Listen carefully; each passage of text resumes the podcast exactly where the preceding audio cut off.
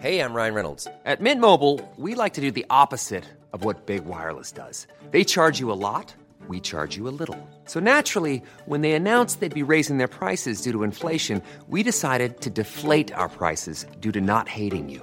That's right. We're cutting the price of Mint Unlimited from $30 a month to just $15 a month. Give it a try at mintmobile.com slash switch. $45 upfront for three months plus taxes and fees. Promo rate for new customers for limited time. Unlimited more than 40 gigabytes per month. Slows. Full terms at mintmobile.com. There's never been a faster or easier way to start your weight loss journey than with PlushCare. PlushCare accepts most insurance plans and gives you online access to board-certified physicians who can prescribe FDA-approved weight loss medications like Wigovi and Zepbound for those who qualify. Take charge of your health and speak with a board-certified physician about a weight loss plan that's right for you. Get started today at plushcare.com slash weight loss. That's plushcare.com slash weight loss. plushcare.com slash weight loss.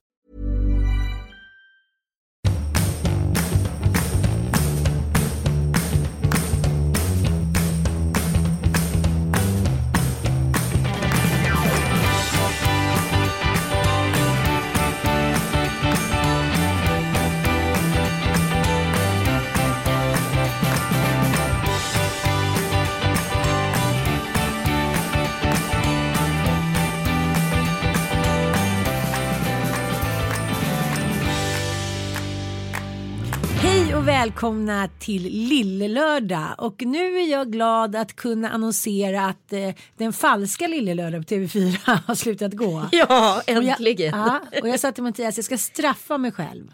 Ja, Jag ska sitta och kolla på hela avsnittet. ja för, för det är ju nästan otittbart. Ja, Och nu är ju vi väldigt partiska här i målet i och med att vi var original Lill-lördag. nej fast jag tycker ändå att det är remarkable måste jag säga. Jag måste använda ett engelskt uttryck för att jag tycker att det är så anmärkningsvärt. Att man gör en tv-serie, eller man ska säga en showserie på bästa sändningstid med sketcher som till och med skulle ratas av After Shave Ja, och Galenskaparna liksom, eh, 1989. Ja, och det är ju verkligen så här under studentikos nivå. Och sen när man försöker göra någonting roligt, eh, liksom som sist var eh, Lena Philipsson då med som gäst och då sjöng hon en duett med den här Per. Ja, Per, Andersson. per Andersson. Och då hade de liksom snott rakt av typ en låt av Ylvis. Nej. Här, ja men du vet. My- Jag vill vara ditt mjöl på din axel. Alltså precis den låten. Nej! Och då blev det helt plötsligt lite bra. Alltså förstår du vad jag menar? Men det var ju snott. Ja, men såklart. För Le- säga vad man vill men Lena tycker jag är ett, eh, ett komikgeni. Ja, men det är hon Ja. Så då var det ändå så här att Mattias kollade på mig några gånger när jag var Nej, okej. Kanske är lite buskis. Det brukar du påstå. Du ja. Ja, ja men buskispettan. Men jag har också kommit på en ny sak. Eh, jag har fått eh, super, superhjältekrafter. Va? Vadå, blödande tandkött? Ja.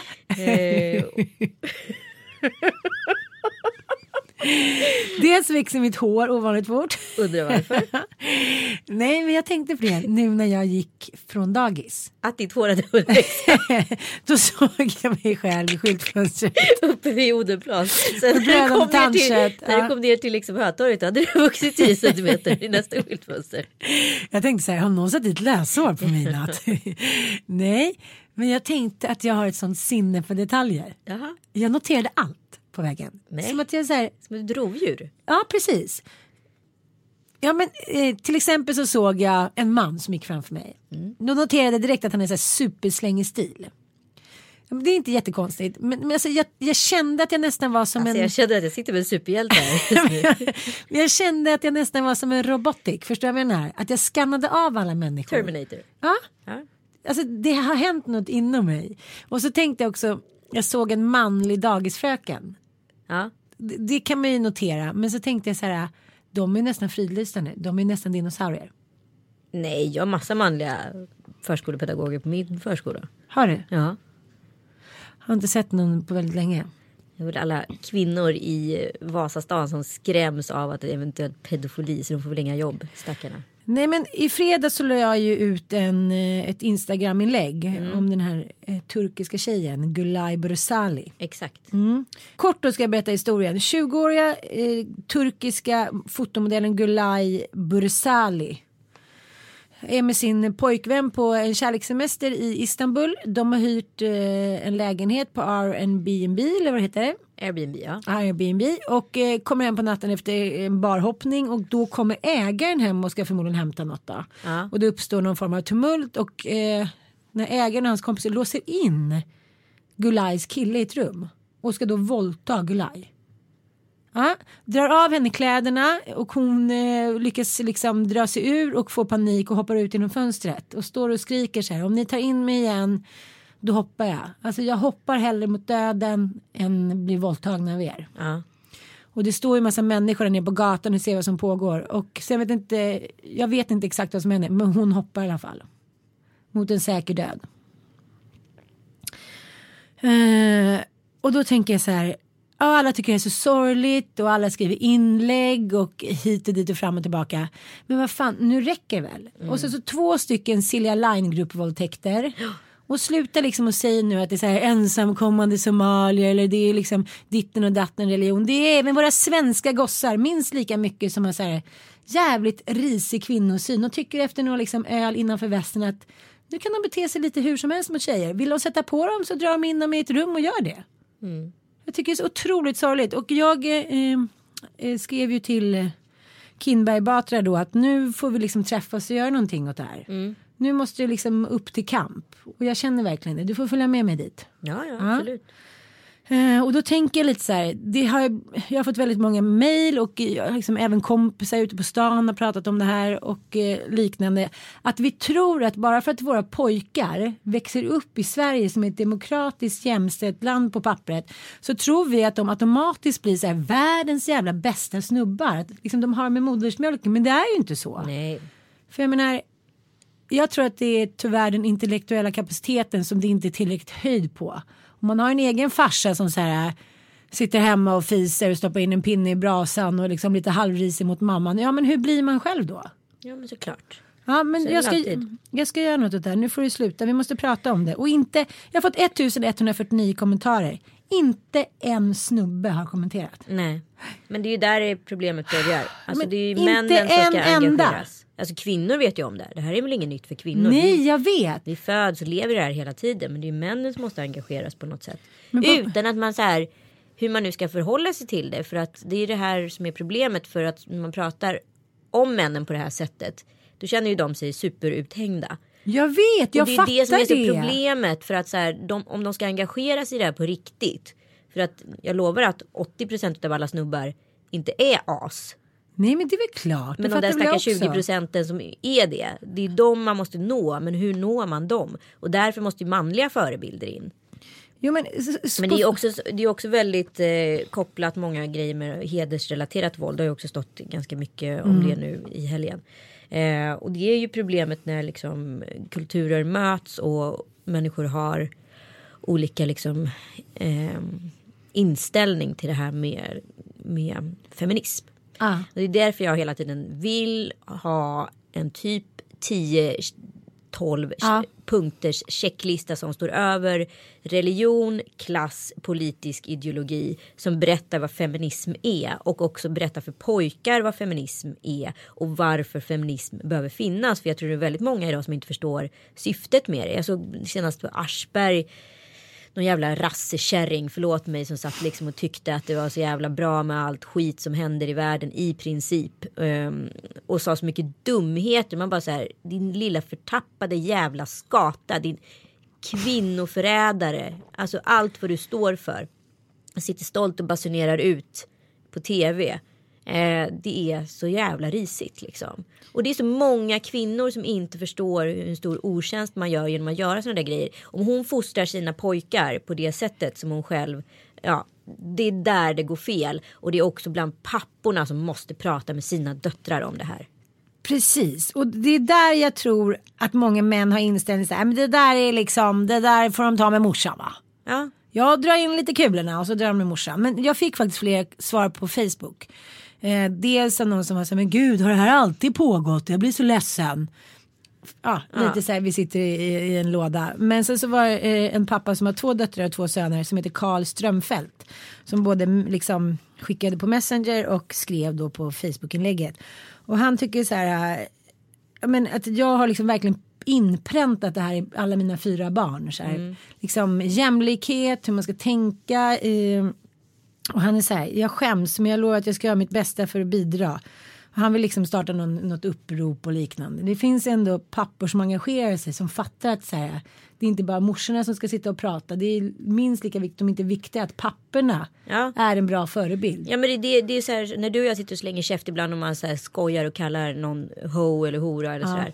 Det ska man ju inte göra. Nej. För att så här, det genererar ju liksom en, eller vi skapar ju någonting eller legitimerar någonting för en yngre generation att göra det. Och ju längre det ordet finns och används på det sättet det gör för att eh, nedvärdera kvinnor etc. Då, mm, ja, man skapar Nej, sig vi en får, jävla också, vi får också skärpa oss. Så är det ju bara. Ja, hur mår du egentligen?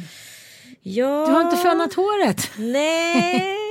Jag har sett dig i diverse Insta-inlägg under helgen i pruttkuddemunderingar och eh, ja, jag träffade en Nisse igår när jag var på deras show, eh, han och David Sundins Jag är sjuk och han Ja, sa att han hade Nisse Hallberg. Nisse Hallberg, förlåt. Eh, den var jättebra för övrigt, jättekul. Om ni springer på den, de ska ut i landet nu så ser den. Jag har Ja, Den är skratt, tyvärr slutsåld i Stockholm.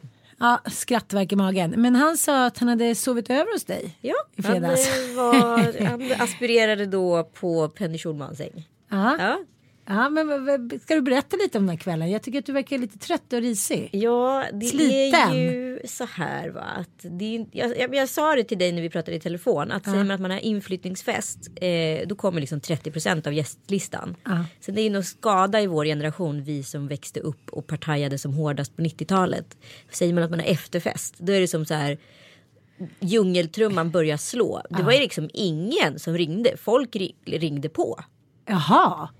Det var lite som så på 90-talet. Helt plötsligt var det bara typ 40 pers hemma och sen de bara partade på. Ja men vi hade ju en bestämd middag med, nu, nu blir det name dropping. Ja men det här tycker jag ändå är lite kul. Ja, med eh, Sigge Eklund, Malin Eklund, eh, Jonas Leijonhufvud, Lilja Sefa, Tove Nordström, eh, Kalle Söderqvist och så jag och Kalle. Den var bestämd sedan liksom två månader tillbaka. Så tänkte, det var ju lite så här, okej vad ska vi ha för upplägg? Jo men vi börjar hemma, sen går vi till Daphnes och käkar middag och sen går vi till Teatergrillen och kör ett drinkbord. Och så avrundar vi vid två, vi har barnvakt över natten, fan det blev superhärligt. Sen började det opponeras ganska fort mot det här drinkbordet på Teatergrillen så då var det så här, okej men vi går väl hem igen då. Och där, liksom, någonstans så hände någonting. Det verkar som att alla var hemma och alla var ute på tu man hand. Ja, ja. Så helt plötsligt så var Kristoffer Bastin, det vill säga Henrik Bastins lillebror och Karin Bastins eh, svåger eh, med hans tjej Camilla Åstrand. Eh, sen kom Carolina Neurath och Niklas Engsell. Sen kom Micke Svensson, producerar Filip och Fredrik bland annat. Eh, Han kom utan fru. Han kom utan fru, frun är kvar i Miami. Eh, och sen kom Nisse Hallberg, komikern, ja, ståuppkomikern. Mm. Sen kom Fredrik Wikingsson, Johanna Svanberg, sen kom eh, Felix Herngren, Klara Herngren. Ja, och Ja, det var där verkligen- det var A-list. då the A-list party, after party. Och jag gick runt i en pruttkudde i Ja men den bilden du la ut, då hade ju Fredrik Wikingsson också en pruttkudde. Ja men han fick låna den sen. Den Ja. vandrade runt pruttkudden. Vem hade haft med sig den här pruttkudden? Jag fick den utav Tove och Kalle. Som kvällens outfit. Ja men det är helt underbart. Ja men alltså också, förstår du lyckan i att öppna dörren till en efterfest i pruttkudde? Det är ändå något Den, episkt i det. ja, det är ändå sensationellt. Men nu måste vi ändå prata om det för du är ju typ fortfarande helt borta. När vi skulle spela in spottarna, reklamspottarna, ja, men det var ju som att man hade lagt gröt på din tunga. Och det här pratade faktiskt Nisse Hallberg då i sin show Jag är sjuk om igår. Att när man tror att man är bakis när man är 19. Nej men då är man så fräsch. Som så här Mm. Ludmilla på typ anabola ute i spåret. Förlåt Ludmilla. Eh, vad har hänt med henne förresten? Hur som helst. Eh, du är nu inne på din tredje dagars bakis. Ja, nu börjar jag känna att det ordnar till sig. Men eh, hela lördagen låg jag liksom som i koma. Men som gladeligen eh, på goda vänners soffa.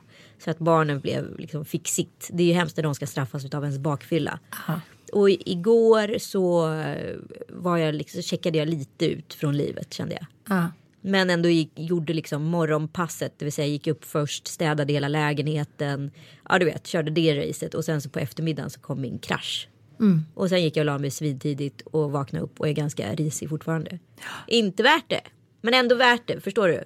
Ja, men det är värt det för att du kommer ju inte om ett år tänka på bakfyllan. Du kommer tänka på den här episka pruttkuddefesten. Ja, men såklart. Och, då, och så är det med förlossningar och bantningar och allting. Man tänker ju inte på det som har varit vidrigt. Nej, samtidigt så är jag så här, jag vill inte vara det där partyparet, förstår du? Ja, det är dubbelt. Samtidigt, Aha. ja, men samtidigt tyckte jag att det var lite så här härligt att få vara lite galen. Ja, men, jaha, men det var väl jättehärligt. Jag var ju jätteavundsjuk. Ja, vad fan var du? Jag var på en egen middag. Ja. Mm, jag tänker inte avslöja vilka som var med. Nej men jag hade en egen grej. Men, eh, ja, men det är klart att när man är mitt uppe i det där. Då försvinner, det som man väl kan erkänna både som mamma och pappa. Att de här ögonblicken när vardagen försvinner. Man, har, man är som när man var 20. Man har inga barn. Framtiden är liksom osäker men ändå förväntansfull. Man är odödlig och liksom natten bara pågår. Du vet de här nätterna när man gick hem med så här klaxen i handen och solen gick upp över liksom Västerbron. Alltså den känslan är det ju då. ja, men alltså åldersgränsen för att bli patetisk börjar ju liksom infinna sig. Förstår du? Jo men det var som en kompis sa till mig att han sa så här. Ah, det var faktiskt jätteroligt. Han berättade för mig att han hade eh, liksom runt, eh, så här, han var kanske typ 30. Då hade han börjat på ett nytt företag och hade då eh, blivit omhändertagen av typ en kvinna i 40-årsåldern som skulle liksom vara hans mentor. Och sen eh, hade de lärt känna varandra lite grann och så gick de ut och så käkade de lunch och då sa han så här, nu ska jag berätta för dig hur det är. När folk eh, fyller 40 då är det så här, men då är det ingen som har liksom någon skämskudde eller man behöver inte liksom låtsas som att man är någonting som man inte är. Det är då de här liksom gangbang historierna, att man tror att ens vänner är så här prydliga, ordentliga tvåbarnsföräldrar typ. Men det är då historierna kommer fram. Ja. Här, den där resan till Paris du vet som vi var på. Det var egentligen, en så här, vi var typ fyra par och det var superorger hela tiden. Va? Ja. Hon påstod då att, att människor är inte alls så prydliga. Liksom efter 40 då blir det galenskap. Då är det så här, äh, för fan vi har inget att förlora. Nu sätter vi på grannfrun eller polans fru eller hit och dit. Är det så? Men jag har ingen aning. Fan det där låter ju eh, både Roligt. hoppfullt och läskigt. Men jag återkommer alltid till när en väldigt god vän till mig som jag tycker är min präktigaste vän helt plötsligt sa att de hade så här swinging fun med grannarna. Du skojar med Nej. mig. Men är Började det- lite oskyldigt. Eh, med lite så här, ja men de bodde i villa i förorten. Hade småbarn, fredagarna var väl inte så episka. Hade lite hembränt liksom bakom gärdsgården ungefär. Och sen så började de hänga liksom, de var ju goda vänner. Och eh, sen blev det lite så här, tjejerna skulle vara lite heta, satte på sig cowboyhatt och dansade lite och började hångla lite liksom. Och sen blev det ju då swinging time, big time, under liksom ganska lång tid. Tills den ena tjejen då blev supersvartis och det liksom tog ända med förs- förskräckelse. Ja men det är det jag tänker, det är det som kommer vara resultatet. Jo men Även det är det, som börjar en alltid är kul grej. resultatet. Jag kan tycka att det är en bra idé. Att man kanske byter lite partner och har lite gangbang och så här. Det blir lite, jag men vet du, händer någonting i sänghalmen. Men därifrån till att man så här, nyktrar till, vilket man förmodligen är i ett onyktert tillstånd. Ser typ sin snubbe stoppa in den i till exempel dig då. Ja. Ja, men då skulle jag ju bli galen. det och så kanske klart. säger också något härligt så här. Åh vad härligt, vad sk- skön och fin typ. Man bara. ja men exakt. Nej, Nej, det jag, går- jag, nej. alltså, jag tror inte på det där. Jag är rädd eh, för hela den där världen. Men apropå det så kan jag komma in på nästa ämne här och det är Ma- läste du att Margret Atladottir skrev en eh, kolumn här eh, för ett tag sedan om Tinder att det ökar klassklyftorna och det tyckte jag var väldigt intressant. Gud vad intressant, det läste inte jag. Nej, men det hon menar på att numera kan man så här. Alltså mönsterbeställa sin man eller sin partner så pass mycket så att man så här kan skriva i önskad liksom yrkesområde och man skriver också i sin yrkestitel. Ja. Förstår du vad jag menar? Ja, det är klart jag fattar. Men, och, det kan ju skapa klassklyftor. Så kan du, om du jobbar då med media kan du bara väl- välja mediamän. Om du nu skulle vara intresserad av det, förstår du? Du menar det är lite som att åka till Danmark och så välja en professor som pappa till sina barn? Ja, Ja, okej. Men, men, samtidigt så är det så här att om en liksom firad mediamänniska går ut på stan så går ju de på ställen där det finns Exakt. liknande människor. Så vad är skillnaden? Det är min tes. Alltså, jag förstår vad hon vill säga och jag förstår tanken bakom det. Men du fiskar ju alltid de vattnen du trivs i. Förstår du vad jag menar? Ja, ja. Alltså antingen är en Där partner. nappar rätt fisk. Ja men antingen är en partner en kompis kompis som rör sig i din, eh, inte kanske din första cirkel men din andra eller tredje eller fjärde Ja. cirkel. Eller så är det någon du träffar på en arbetsplats. Så Ja. är det ju ofta. För att är, och det är tillbaka till det vi pratade om i ett par avsnitt sedan om speglingen.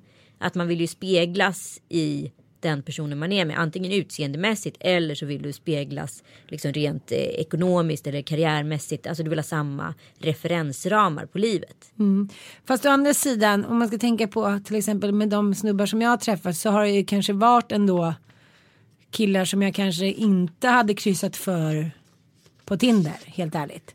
Men däremot så tycker jag det finns ju en dating som heter så här elitistiska Elit. Elit ja. Ja. Där kan vi ju snacka om så här, vi som tycker att vi är för mer. Jag tänker bara att det är rishögar som är där inne. Tycker du? ja, jag tänker att de som säger ja men jag är ju jättecool. Alltså jag är så här crazy. Det är Aha, de, okej, det är de fattar, som tycker fattar. att så här, Men ja, jag måste ändå så här. Vi som klassas som elit. Som, Jag älskar ändå tuppen jag. Liksom Tinder, datingsajter, allting. Jag kommer ihåg när min mamma gick bort. Och pappa så här, skulle sätta in annons i tidningen om att han ville träffa någon så här, liksom, journalist 55 typ. Alltså det tyckte vi var så skabbigt så att vi var så här, men pappa skärp ja, dig men typ. också att vi så här, som då var lyckliga ihop med någon kunde sitta och skratta brallorna av oss åt dessa kontaktannonsers patetiska liksom, Mm. eh, språk. Jag en man på 25 jordsnurr, Mm, vi träffade dig solskenskvinna eh, för långa promenader. Man bara säger vem fan vill gå långa promenader med den första veckan liksom. Mm. Men det är ju som pappa säger att det är att eh, det är som pappa säger att det är så här, alla kvinnor vill ju ha någon som är lång, smärta och mycket stålar. Så det är så här såklart om man är så här 65 man har ju inte tid att chansa. man bara vi jobbar upp ett kapital tillsammans. Säkra pensionen. Ja men jag tycker ändå att det där är roligt men jag har också så här kompisar vars döttrar som är så här 14-15 skriver in sig som så här Laura 19. Alltså de tycker att det där är skitspännande att träffa äldre snubbar. Oj, Mm. Avancerat va? men gud det blir helt, nu, nu blir det kastades, jag klarar inte min hjärna av idag, nu fattar jag ingenting. Nej men alltså de skriver in sig. Och hur gamla är de? De är 15. Och så Ah. skriver de att de är 19. Jag tror det var dina kompisar. Ja, mina barn. Ja, jag, bara, jag tror det var dina kompisar som skrev in sig som 15-åringar för att träffa äldre snubbar. Jag tänkte, men då måste ju de vara lika gamla som de är. Anson, 19. Jag ska lägga in en sån. Då får du träffa killar runt 35-40. Nu bara 75-80. Vi var på en gemensam middag för ett tag sedan. Just det. Då satt jag mitt emot en kvinna som jag tycker mycket om och hon berättade då att hon efter sin eh, utdragna skilsmässa har börjat gå med på Tinder mot sin vilja. Och då berättade hon en riktigt bra story. Ja, Ska jag dra den? otroligt. Ja. Nej men hon eh, går på dejt. Hon är också lite så som jag skulle vara om jag skulle börja dejta. Så Jaha, då ska man gå dit och sen ska man känna att man då ska leverera.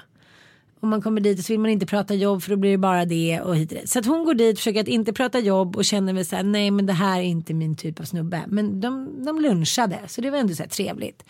Ha, eh, ja, men de går därifrån, det börjar bli kväll och hon är väl lite så här hemma på kammaren och liksom lite full i fan och börjar så här, skämta med honom när han smsar för han sitter på jobbet. Han har någon kvällsjobb. Och han svarar och hon tänker så här, gud vilket roligt skämt. Det pågår liksom några gånger under kvällen. Halv tre ska hon gå upp med sin dotter som är kissnödig. Då märker hon att är lamporna tänds ute i trädgården. För hon har haft inbrott så att hon har så här monströst, rigoröst eh, alarmskydd och allting. Hon bara, "Ah, vad är det nu då? Men det var väl någon fågel typ. Kisselikiss, de går tillbaka och sen ser plötsligt hör hon att någon drar i dörren. Hon har alltså precis haft inbrott med två snubbar som har gått förbi hennes sovrum hon har sett dem. Hon har legat Usch. själv. Ja. Hur som helst så är det så här, hon bara vad är det nu? Då får hon ett sms av den här snubben som hon har käkat lunch med. Eh, det är inte öppet. Hon bara vad i helvete. Hon är ju så här ganska spännande och lite speciell humor så hon, han har ju tagit det på allvar. Och hon fattar ju inte hur han fått reda Hon har ju hemlig adress och liksom skyddad identitet och allt möjligt. Men då har han googlat en gammal artikel artikel i en tidning och sett hennes hus. Kollat med alla arkitekter i hela Sverige vem som kan ha gjort det här huset och på det sättet tagit ut henne. Så han tycker att han är skitspännande. Ah, hur som helst, hon bara, nej men skammens näste och han skäms ju så mycket och allt blir så jobbigt och hon bara, gud förlåt jag trodde du skämtade. Jag trodde du fattade att jag skämtade hit och dit. Men jag kommer ner och tar en cigg liksom. Så gick hon ner och han var så här, så röd och bara, gud förlåt, jag trodde verkligen att du menade allvar. Jobbigt. Ja, han var ju så här råglad. Han skulle ju så här få göra här, ja men the sex act of his life. Och eh, hon skäms så mycket och säger gud förlåt det. Så hon tänker så här, men nu ska han gå, jag måste ändå kyssa honom. Alltså hon är helt ointresserad, hon tycker inte ens att det här är hennes typ. Alltså det är över, det har Ja. aldrig ens blivit någonting.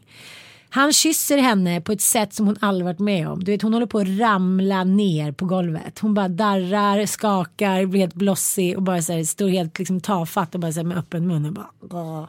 Och nu i torsdags träffar de och eh, skulle ha så här sexkväll. Åh herregud. Ja.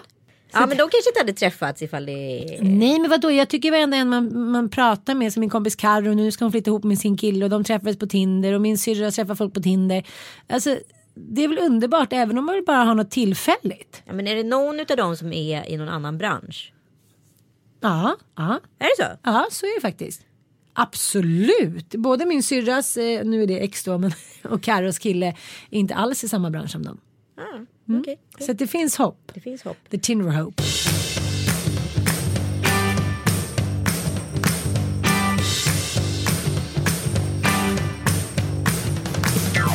Jag måste prata om en annan grej Ann. Aha. För det hände någonting i förra podden som jag har funderat väldigt mycket på. Aha.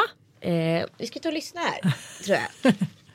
Men det är som att man till exempel när man ska borsta tänderna, den som borstar tänderna först sätter tandkräm för den andra som borstar. Hörde du det där? en annan som borstar. Du menar, du menar att jag var lite som så här, äh, en amerikansk skönhetsdrottning? Vad var det? Vem är den? Nej, Jag vet inte, jag var i och för sig i Norrland. Har du, då tänker jag att nu har du umgåtts med massa andra skratt. Aha, inte Du har, ditt skratt. nej, du har tappat ditt eget skratt. Men Gud, hur snabbt kan jag tappa mitt eget skratt som jag har jobbat upp under många decennier? Jo, jag vet, men det hände ju någonting väldigt märkligt här i podden. Att jag förlorade mitt skratt. Du förlorade ditt skratt, du hade ett annat skratt. Men är det här en freudiansk analys här? Lilla Ann, nu måste vi prata med lilla Ann. Nu ska vi prata med lilla Ann. Varför? Mår du När dåligt? hittade du ditt skratt? Och hur har det utvecklats till det skrattet det du har? Nej men skrattet har ju varit väldigt mycket att jag har skrattat skrattlöst med rinnande tårar. Exakt, det är, oftast är det bara en, så här, en, en Ja. oftast är det ju mer en så här, pust, långsam Ja, pust. ja. Fast tårarna... Fast tårarna rinner. Ja, Som du har inhalerat. Gud vad lustigt att du säger det här. Som du igår... har inhalerat spray och ska andas ut den. Ja men jag, jag kanske har ändrat skratt lite kommer jag på. För att igår så satt ju jag då bredvid komikern Mårten Andersson som Ja. jag har ett litet förflutet med på ett ganska jobbigt sätt. Och vi satt bredvid varandra och han skrattade ju mycket såklart och det gjorde jag med. Men jag kom på mig själv flera gånger att jag skrattade så flickigt. Ja. Inte så här, Det utan var liksom. ju det som hände i podden. Exakt, det var ju det som Ja. hände i podden. Ja, men jag vet inte. Det kanske bara att jag har tröttnat på att vara så här, killarnas tjej. Förstår du? Ja, men Ja. vadå, så du har ändrat skratt? Jag kanske vill vara lite mer så här kvinnlig och flickig. jag vet ju inte. Jag kan inte själv. Du är ju terapeuten. Som, har, som anklagar mig för att ha förändrat något i min personlighet. Eller uppmärksammat det. Då kan jag väl inte själv göra en snabb analys. Nej men uppenbarligen så tänker jag att du måste ha tänkt på det. För att det är ett sånt aktivt val. Nej men det är inte ett aktivt val. Det, det hände att jag reagerade själv när jag satt bredvid Mårten Andersson i något prekär. Kan du inte berätta varför Situation. den är prekär? Jo det kan jag faktiskt göra. Ja. Alltså, Mårten Andersson tycker jag är en väldigt stilig, härlig, rolig, en ganska snygg karaslok. Men det är han ju. Ja vadå, jag har inte sagt något. Ögonen talar sitt sanna språk. Han och jag hade spelat en golftävling tillsammans och skulle sen på banketten. Det här är ju då tre år sedan. Just det. Ja, eh, och då frågar han om jag vill komma på en drink innan vi ska på banketten. Ja. Och jag kommer dit och sitter på hans balkong. kommer ihåg att jag hade väldigt turkos smink och en osedvanligt kort klänning med öppen rygg på den här så här. Ja men tänk dig lite så här svennebanana golfbanketten. Det låter som att du är riktigt så här varuhuset härlig. Ja men jag var faktiskt det och liksom väldigt blont hår och lite lockigt och risely through risigt så här. Jag var liksom, ja jag var lite varuhuset. Ja. Mm, och vi hade det jättetrevligt och liksom det var sommar, det var sen vår, solen sken, vi drack jättegott vitt vin, han hade en fin balkong och fin lägenhet, han var rolig. Ja, det kanske var lite flörtigt. Så som jag kan vara. Vadå? Ja men, ja, men vadå, jag var singel, jag flörtade med allt och alla, jag flörtade fan med hunden på Allt som har puls. Ja, precis. Hej grodan. Eh, Nej men jag var på gång. Ja. Det vet du ju. Det var underbart. Jag bara längtar tillbaka till den tiden. Ja, ibland gör jag det. Ja, hur som helst. Då satt vi där och sen åkte vi på den här banketten. Och då var ju Mattias där. Just det. Han som nu är min man, eller ska bli min man och är pappa till min barn. Som jag inte liksom alls hade tänkt på. Att liksom det var någonting. Nej. Undermedvetet hade jag det eftersom han skjutsade mig hem och bla bla. Men, men jag hade inte alls tänkt så. Men när han stod där i sina liksom kostymbyxor och någon så här välstruken skjorta. Ja då var det någonting i liksom det o... Bland alla med puls så fanns det en som hade lite extra hög puls. Ja, ja, men det var fortfarande inte liksom uttalat för mig själv. Nej. Nej. Så då, eh, då går Mårten och köper ett glas champagne till mig för jag vill inte ha det där välkomstdrinken. Du vet, med Nej. juice och någon dålig. Ja. Och så stod vi och pratade lite och sen kom Mattias, stod de, jag stod ju med mitt golfgäng då som där jag hade varit humoristen. Just det. Och det var trevligt och sen gick vi och satte oss och eh, och eh, Mårten smsade så här toaletten om tio minuter och så där. Nej. Får jag, kan jag säga det? Ja. Okej, Mårten du vet det här är preskriberat, I love you, du har ny tjej och sådär. Och jag var så här, jaha, eh, ja. men då hade jag ju börjat få feeling för Mattias. Så jag var så här, nej men det går inte typ hit och dit. Och sen så var det då aktion. eh, På Zlatan-tröjan. Och då ställde vi oss upp, jag, Mattias och vårt golfgäng. För vi hade liksom suttit inne i en liten så här, vad ska man säga, pizza Pizzavalv. Ja, pizzavalv. Ja. Och då stod Mattias bakom mig. Jag är liksom i höga mockaklackar och den här liksom jättefina tunna märkesklänningen och alldeles för mycket smink. Liksom, jag var fel, men ändå rätt. Eftersom Ja, ja. jag var också typ den enda tjejen där. Alltså jag hade ju väldigt mycket att välja på. Ja, det är uppenbarligen.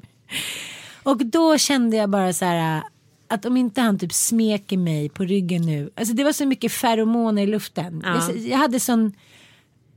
Alltså jag hade sån kroppslig attraktion till den här mannen så det var det sjukaste jag varit med om. Ja. Och precis då när han eh, uppfyller min önskan och stoppar ner handen i ryggen när det är så här 2000 kronor för tröjans skull. Då plingar det på igen så här, jag är på toaletten, kommer du eller? Mm. Och då tittar han ut med huvudet och ser då att jag står och eh, kysser Mattias. Nej. Han är så här, aha, okej, det blir ingenting. Du har typ träffat någon annan. Jag bara, eh, vadå, har du liksom, jag tänkte så här, vi har väl ingenting. Ja, eller det kanske vi skulle ha haft om Mattias inte var där. Det vet jag ju inte. Tur Men det känner jag blir en- direkt instinktivt att det blir Mattias. Men sen går det några minuter och jag tycker liksom att vi i sann killstil ska festa på lite till eftersom jag har inte legat nykter på väldigt, väldigt många månader. Han bara, "Nej, nu åker vi hem. Han ville liksom bara få bort mig därifrån. Ja. Han ville få bort mig från var, vargarna. Ja. Så att vi hoppar in där i någon taxi och uh, hånglar och sen så sover han hos mig. Och vi har en passionerad natt. Jag har ett väldigt litet spetskit i rött. Som jag fortfarande har kvar som ett minne. Som sitter nu som, som ett frimärke på min ena skinka.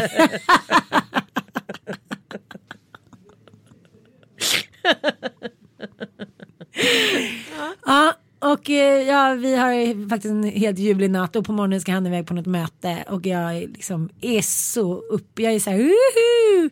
och då smsar Martin. Mountain mig och är liksom ja, men, säkert med rätta besviken och tycker så här fan jag tyckte liksom jag hade halva inne och sen Kindpaxen. ja, så jag stod du hem en gammal snubbe. Ja, men, ja vad han nu gjorde. Men, men så det var ju kanske jättetaskigt av mig. Eller? S- Det var, det, Han kan väl välja vem man vill. Ja, nu är han jättekär i en, en serbisk tjej och hit och dit. Och sen skulle jag ju då på något sätt skulle vi eh, röka fredspipa och käka lunch på Hjördis. Och då sitter jag med dig i den här patetiska lilla elbilen och ska vara på någon lägenhetsvisning. och bara får ett sms här på en bild, typ var är du? Jag är på Hjördis. Hade glömt bort det. Då. Ja.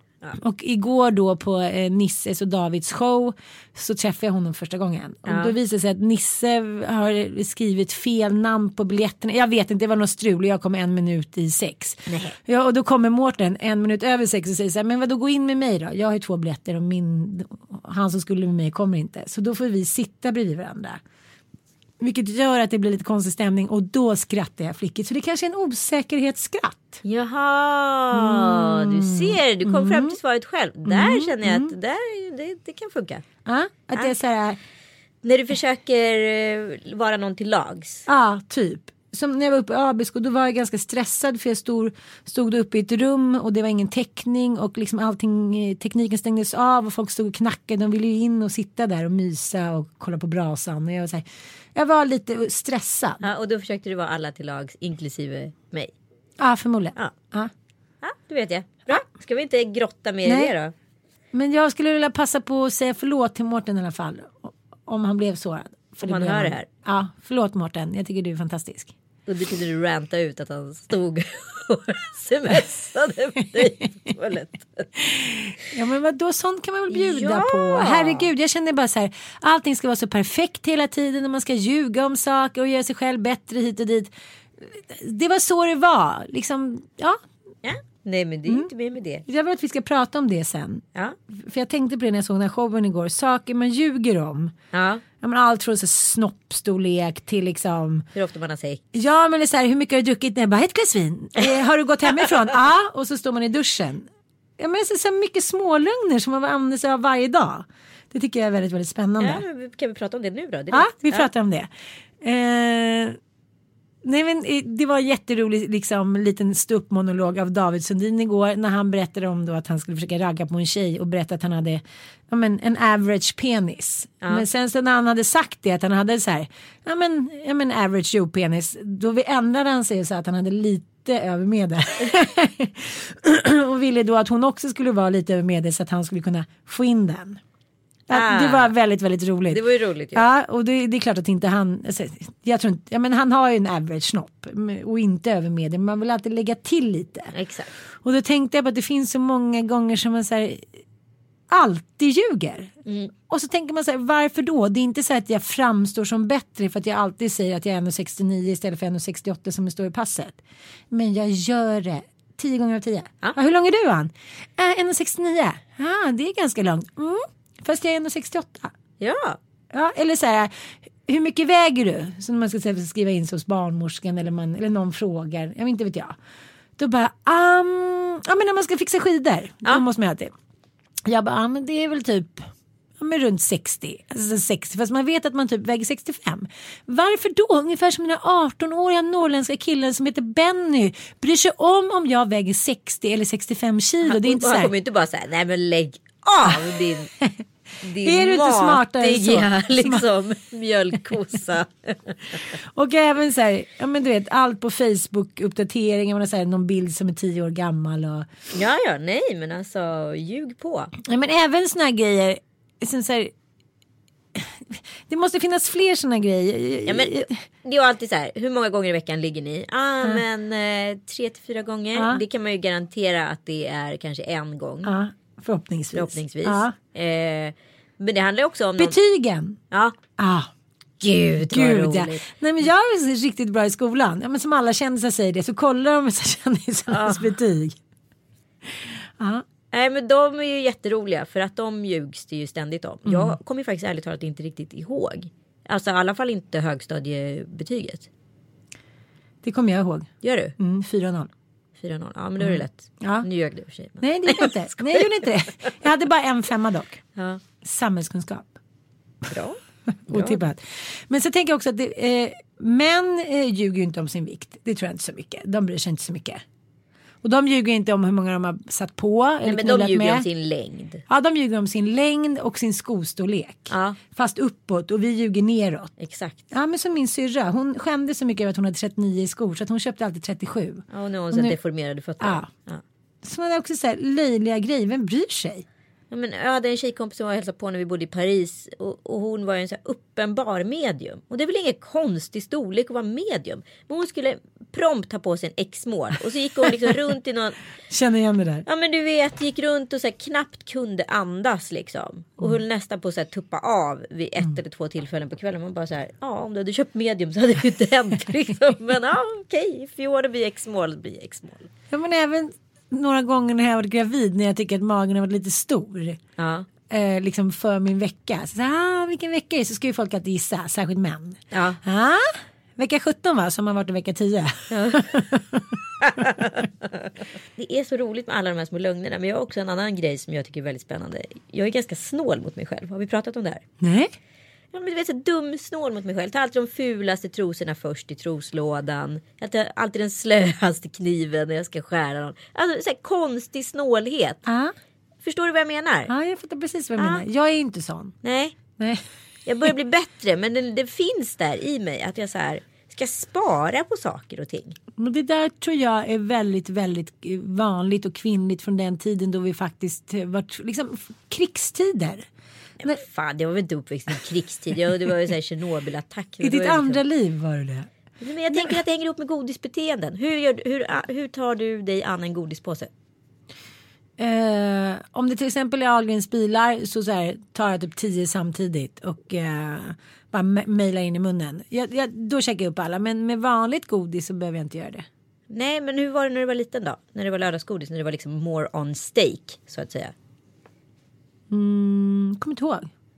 Ja, men hu- hushöll du med godiset? Alltså spred du ut över under hela helgen och åt upp allt på en gång? Galen. Nej, men, Okej, jag nej, men vadå, hushålla med gottesakerna. Det är ungefär så här. Åh, en flaska champagne. Jag tar bara ett glas. Alltså de riktiga gottigheterna, de sveper man ju. Mm. Och liksom gottar i sig. Men så har jag fått en son som inte alls är så. Nej, Två av sönerna är så här.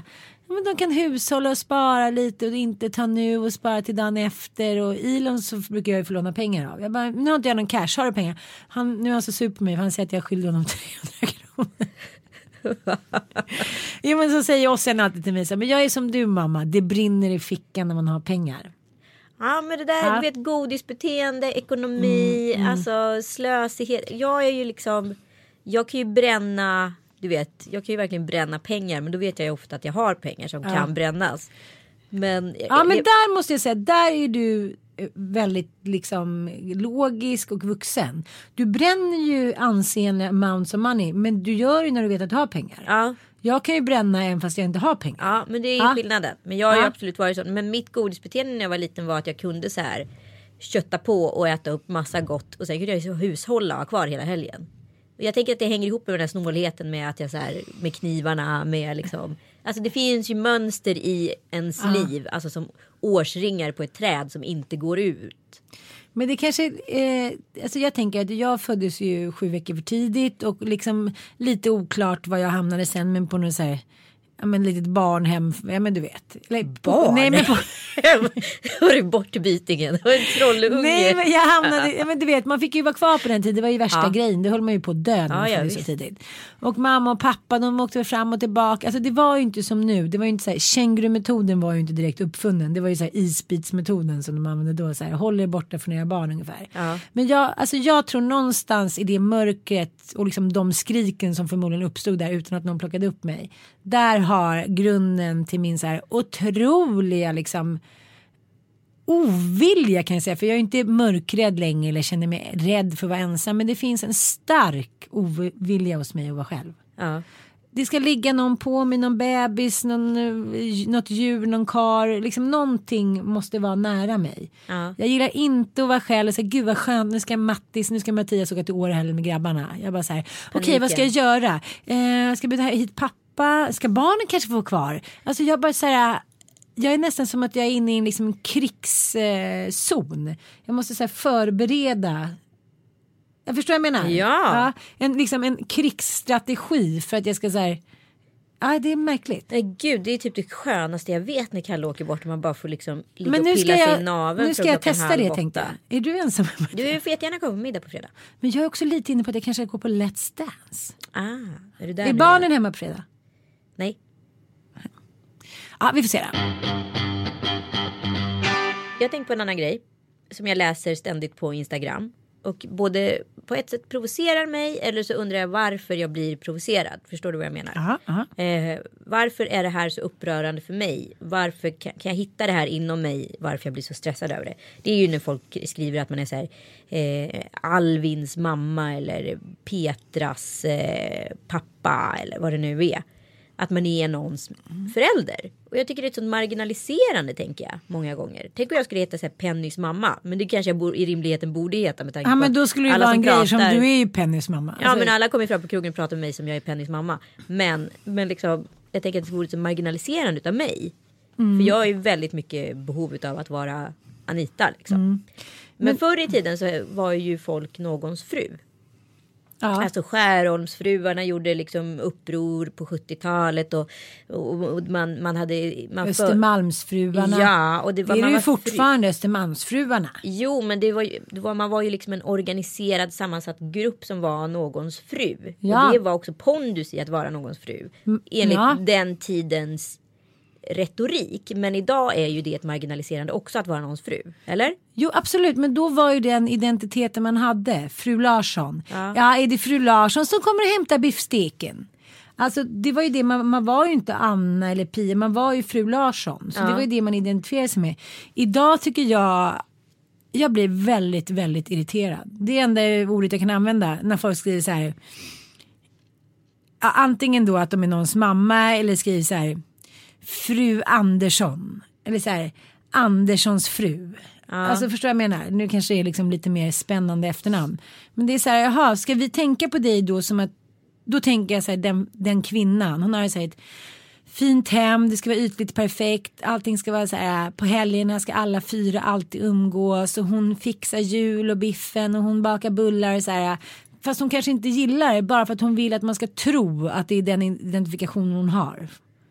Ja, eller så tänker jag att hon är sjukt stolt över att vara gift med den här snubben. Han kanske är fantastisk, han kanske är en underbar pappa och underbar man. Varför ska jag bli provocerad av det? Det här är ju en, något på ett konstigt sätt hennes sätt att så här, manifestera att hon är gift med den här karln hon är väldigt kär i, eller? Ungefär lika mycket som hon är stolt över att vara Alvins mamma för Alvin kanske är det största hon har varit- gjort i sitt liv liksom. Jo, jag fattar. Men, men jag håll, vidhåller ju där, precis som att du och jag några gånger sagt ho eller liknande. Så länge vi liksom ska befästa de här gammel liksom, uttrycken eller gammelepiteten eller attityderna. Ja, men då kommer det ju inte bli jämlikt och då kan vi ju sitta på kammaren och så här, skrika oss hesa om vi vill. Jag, jo, men jag vet inte, jag tycker så här. Okej om det var också 50 killar som fanns på mitt face på Konko som hette Ponko. Konko. Kongo, Bonko, Bonko. Som fanns på mitt konto. Eller var jag rasistisk nu? Nu sa jag nästan Kongo. Nej. Aha. Bonko Kongo. Som hade skrivit så här Söderlunds Karaslok. Eller liksom Schulmans man. Ja. Så- ja, liksom, då hade det väl varit så här, ja men någon skriver så, någon skriver så. Men när alltid uteslutande ändå är kvinnor. Ja, det är nej, sant. då, ty- då tycker jag inte Men att det, det är finns okej. ju Alvins pappa. Det finns ju de kontona. Men det finns ju inte så många som är så här. Eh, Ja, men det är Saras tecknade man. figurer. Nej men. Nej men Alvin och alltså. gänget menar du? Nej men alltså nej men alltså. Ja, ja. Det tog har jag aldrig tog sett. en metafor. Att det, det finns ju även någon som heter så här. Börjes pappa. Jag hade liksom. aldrig sett. Nej men däremot finns det ju ingen som är i princip eh, Anns man. Nej. Nej, det Nej. har jag. Söderlunds man. Söderlunds man. Det ska jag säga till Mattias, det är det han får heta. Cirkuskuggen. Nej, men jag tror så här överlag. Sen börjar jag tänka mer och mer på att så här. Cirkusslampan. Ja det ska, ja, det ska jag heta på mitt extra konto där jag bara lägger ut Nej nu gjorde vi den igen. Nu gjorde vi den igen. Ja. Vi skulle ju sluta med Du det. får be om ursäkt då. Ja, jag ber om ursäkt. Fan, det ligger ju lite Nej, nära. men jag börjar Fast man tappar ju bort misstänka. massa komik också. Det är svårt där. Ja, men, jag tycker att det är skillnad på att säga så här ho och cirkusslampan. Ja, men apropå cirkuslampor. Jag tänker på saker som kanske inte heller som funkade då. Mm. Men inte funkade nu. Nej, På cirkuslampans tid. För ett år sedan när han startade den. Nej men på cirkusens tid. Vi Ja, kling och om- klangtiden. Vi har ju pratat om saker som är daterade som funkade då men inte funkade nu. Cirkus är en typisk sån Ja, grej. men gud vad det är en sån grej. Ja, Mina barn det, de vill inte ens gå med på den här Jag tycker bara att det är djurplågeri och hata skiten. Ja Liksom. men jag känner ju också så. Det är uselt dåligt. ja. Ja. Ja, men det är en sak som funkade då men inte funkar nu. Mm. Som man kan prata om i- ur nostalgiskt perspektiv men man får, kan typ inte gå på cirkus. Jag har ju gått på cirkus med Penny en gång. Hon grät ju som Mm. satan och tyckte det var hemskt för djuren och clownerna var vidriga. Ja, det kanske inte funkar helt enkelt. Enligt min 13-åring så är ju också Facebook som funkar det, som är daterat. Liksom. Ja. De går ju aldrig in på Facebook. Funkade då, inte Ja, nu. Men det finns ju massa mer roliga grejer. Ja, men jag tänker på som När lammen tystnar exempelvis. Ja. Det är ju en film som eh, är fortfarande en bland de bättre filmerna som har gjorts. Eh, och också boken är ju otrolig av Thomas Harris. Men eh, den funkade ju då. Den skulle inte kunna göras idag i och med att mördaren, seriemördaren är en transsexuell man. Med identitetskris. Det skulle ju inte gå. Alltså ur PK-syfte att göra den filmen. Nej det är sant. Men det måste ju finnas tusen sådana där grejer. Ja men det är klart det gör.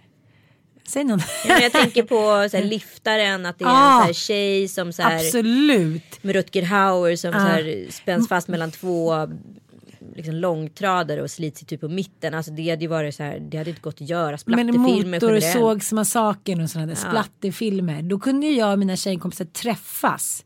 Typ på fredagen och kolla på en sån här skräckfilm. Det är ju väldigt få skräckfilmer. Nu är det ju mycket mer liksom odefinierbar skräckis. Ja, alltså det är mycket mer psykningar Ah. än liksom skräck. Alltså Mm. konkret splatter som det var då. Men jag tänkte också på den där filmen Tootsie. Ja, När, ehm, Dustin Hoffman Ja, blir, men- klär ut sig till kvinna. i, jo, Just det. Så då klär han ut sig till kvinna och blir då Tutsi för att han då ska få vara med sina barn. Det känns ju också lite daterat. Eller Mrs Doubtfire. Ja, mm. Eller är det fortfarande så i USA att, att kvinnan alltid får... Ja men jag tänker också att mannen- egentligen ett forum som så här After Dark. Eh, dragshow på det sättet. Nej. Det känns ju väldigt daterat. Mm. Den är ju svår. Alltså idag, då var ju dragshow något exotiskt. Då var ju det verkligen exotiskt. Män som liksom stod för att de klädde ut sig till kvinnor och det blev en, liksom, en klassisk och klassig konstform. Precis. Fast jag var ju i, i, i eh, Skeppsholmskyrkan och såg någon dragshow för några månader sedan. Alltså det känns inte fräscht längre. Nej och det är det som är lite hemskt. För att Mm. man skulle ju kunna tycka att det vore kul. Och jag, jag älskar ju RuPaul's Drag Race och allt det där. Liksom. Men, men det är ju någonting i den konstformen som är väldigt daterad. Mm. Det är inte super extraordinärt idag att män gillar att klä ut sig i kvinnokläder och köra en show. Till någon ganska risig liksom, lip-sync. Men jag tänker också, jag tänker så här, vad hette det, Nöjesmassakern Ja. med Sven Melander i spetsen. Att det blev en sån formidabel succé när han och två karlar till stod nakna och var så här, men så som gubbar var på 80-talet, alltså tjocka. Äh, de var ju inte så vackra. Nej, vackert tjock- skapta liksom. Nej men tjocka och lite krokodilbottnar och liksom lite hår överallt och liksom lite fotsvett. Och så hade de varsin ballong som de så här, Framför snorreborren. Ja, framför snorreborren och i brösten då man ska säga. Som de snabbt då eh, skulle byta utan att man såg snoppen. Exakt. Och det här var liksom, Det här var ju roligast man kunde se på tv. men det var så här Pewdiepie slängde i väggen. Det var så mycket, det var så mycket klicka på det där om det hade funnits. Men folk var galna i det där. Tänk att vi skulle få se Lasse Åbergs lilla ollon sticka fram där i två sekunder. Det hade ju liksom gjort vår dag. Där har du också någonting som inte funkar längre. men- Sällskapsresan. Ja, nej det funkar inte längre. Nej. Så sorgligt, varför kan inte liksom de här männen sluta i tid? Ja men så all heder till Kent som förstår Ja. att så här, vi kommer bli patetiska för att vi kör på liksom, i 20 år till. Ja, men jag tänker så här, om några år då kommer ju folk stå på så här Rolling Stones här och tänka så här okej undrar om vi får se någon coola. Ja men det är ju det man Ja. gör. Alltså jag såg den här grejen och gjorde nu i Havanna. Eh, På Kuba. Och du vet när män som är rockstjärnor eh, tenderar till att uppnå en viss ålder. Gud det här låter så jävla illa men jag måste säga det. Eh, det är ju att deras ansikten samt sakta transformeras in till kvinnor. Ja. Så det är ju liksom som att se en dragshow. Ja, det är sant. riktigt. Den nya dragshowen. Ja, det är ju liksom att se ett band där alla kan trilla av pinn någon gång på scenen. För de är så pass gamla. Och det, det, de är ju superotajta. Det, alltså jag såg dem på Ullevi för kanske tio år sedan. De var ju otajta då. Jag kan inte ens tänka mig hur otajta de är idag. Liksom. Jag måste fråga dig en sak också. Ja. Eh, dels vill jag tipsa då om eh, Sofia Wiströms och Pernilla Wahlgrens eh, podd. Den är jätterolig och galen. Men jag lyssnade på den här om dagen och då pratade de om bröllopsnatten. Aha. Och då tänkte jag så här, jag har ju aldrig haft någon bröllopsnatt. Det är någonting som det talas väldigt lite om. Ja. Hur var din bröllopsnatt? Jag har haft två. Just ja, du har haft två. Jag kompenserar för dig. Ja, det har du. Uh Första? Första, första bröllopsnatten, alldeles för ung, krökade för hårt, eh, somnade för tidigt. Okej, okay, men ni bodde på hotell? Eller ja, jag bodde på hotell. Eh, ja, nej, det var liksom, vi körde på liksom, sket i liksom the romance så att säga. Aha, men, men, men hade ni sex överhuvudtaget? Kommer inte ens ihåg. Om jag ska vara riktigt ärlig. Jaha, wow. Ja. Förmodligen hade ni inte det då? Nej, förmodligen inte. Eh, andra bröllopsnatten eh, och jättegravid i vecka 30. Eh, hade stått på dansgolvet kanske mellan ett och fyra och dansat ganska ordentligt i klackar. Jag kunde överhuvudtaget knappt gå till hotellrummet. Sen låg jag i någon typ av ja, inte ens fosterställning. Jag låg i någon typ av ställning som, som var den enda hanterbara ställningen i typ två dygn. För att jag hade så ont i min bäckenbotten. Nej. Ja, så det var ingen sex där heller. Okej. Okay. Du bara, vad är det som stoppas in nu? Exakt, jag hade inte märkt Är det något som kommer ut eller in? jag hade mer, just, just då kändes det som jag hade en kloak. Alltså så en fågelöppning där allt bara går in och ut. Nej, men jag måste ändå säga att det hedrade dig att du dansade så mycket. Ja, Ja men du vet man är så hög på endorfiner så att så här, det var liksom bara att köra på. Det, så här, jag gifter mig väl förhoppningsvis bara den här gången till. till. Så får vi passa på då. Nej men för jag tänker att alla som man känner nästan har ju gift sig men jag kan ju berätta om liksom, de flestas oskuld av mina närmsta kompisar. Jag kan ju berätta, liksom, ja, men jag kan ju många sexhistorier. Dåliga, bra, konstiga hit och dit. Men just bröllopsnatten, är det för att man inte har sex på bröllopsnatten och skäms för det som man inte pratar? Vissa var ju så här, ja men vi tog det redan på morgonen och sen var det överstökat. Men, ärligt talat, bröllopsnattsgrejen är ju gjord för att vi skulle då bli av med oskulden Aha. förr i tiden. Nu förutsätter jag att de flesta som gifter sig redan har blivit av med den. Mm. så att då är liksom inte den är inte liksom riktigt lika viktig. Nej men man tycker ändå att så här, det hör till att man ska så här, Gå älska. Eller ligga. Eller knulla eller vad man nu gör. Det beror på kanske lite vilket tillstånd man är i. Men jag tänker att det är väldigt kul att tänka på hur min bröllopsnatt kommer bli. Men alltså ska du gifta dig nu eller ska du inte gifta dig? Det är väldigt oklart det här känns det som. Ja men det vet jag inte riktigt. Eller det, det ska jag men jag vet inte om vi hinner till sommaren. Har dina gäster om det här med tanke på att du gått ut med en save the date? Nej men inom ett par veckor kommer, jag, kommer vi ta ett beslut. Grejen är att när man tittar på vårt hem just nu på Gotland där bröllopet ska ske. Så är det inte så färdigt. Nej det är tre stora hål. Eh, allting är utrivet. Alltså det är lite så här Spindelmannen fast mm. i ett mm. hus. Och då tänker jag att så lång tid är det inte kvar. Och eh, jag vill inte vara ett vrak när bröllopet ska stånda. Jag återkommer eh, alla kära gäster men annars kanske vi kan ha någon annan sorts fest. Jag vet inte. Vi är alla idel öra känner jag. Idel, idel, ädel, idel öra.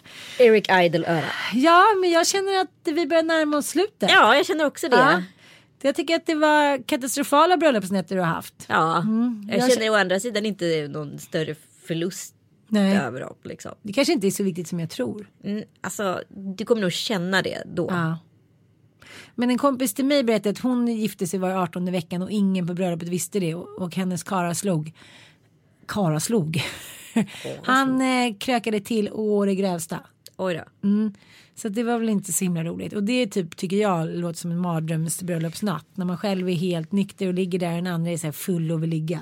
Men du tänker också så här att Tänk att alla dina vänner är där, alla är där för dig. Du har varit så på otrolig spänn hela dagen, under hela middagen och allting. Och när du väl får liksom så här äntligen slappna av efter den här middagen och börja dansa och börja umgås och börja mingla och ingen pratar ju med dig som brud de pratar ju om dig. Förstår du vad jag menar? Mm. Du är liksom som att du står i maskeradkläder hela tiden. Så mm. du kan bara prata i små korta meningar med alla. Så äntligen börjar du den här brudslöjan eller vad jag ska kalla det för eh, sakta rinna av. Och folk börjar konversera med dig på riktigt. Och de här äkta känslorna kan bubbla upp. Då ska du så döda det momentet genom att gå hem och nuppelidona med din snubbe. Som jag nu blir donad med typ 6300 gånger. Exakt, det är inte så här wow. Liksom. Nej, och det kommer, kommer väl inte vara något extraordinärt. Det kommer ju vara de där minuterna. Exakt. Nej men så jag menar att då är man ju, tar man ju tillfället i akt att få vara med dem man älskar. Men min föreställning är att man har en massa tyll och så superdyra sexiga underkläder Som och det liksom dras överallt. upp och det är någon där under klänningen som liksom ja, oklart håller på och mojsar och sen kommer det upp och liksom bara ja men lite som i en sån här hårdrocksvideo med Axl Rose. Och så alldeles så här slemmig runt munnen. Ja, eh, på detta eh, låg, med detta lågvattenmärke avslutar vi Lille Lördag för idag. Vi älskar er. Eh, knulla eller inte på bröllopsnatten, det är tydligen eh, inte så viktigt. Jag har lärt mig något nytt idag. Hoppas ni också har gjort det. Puss och kram. Puss och kram.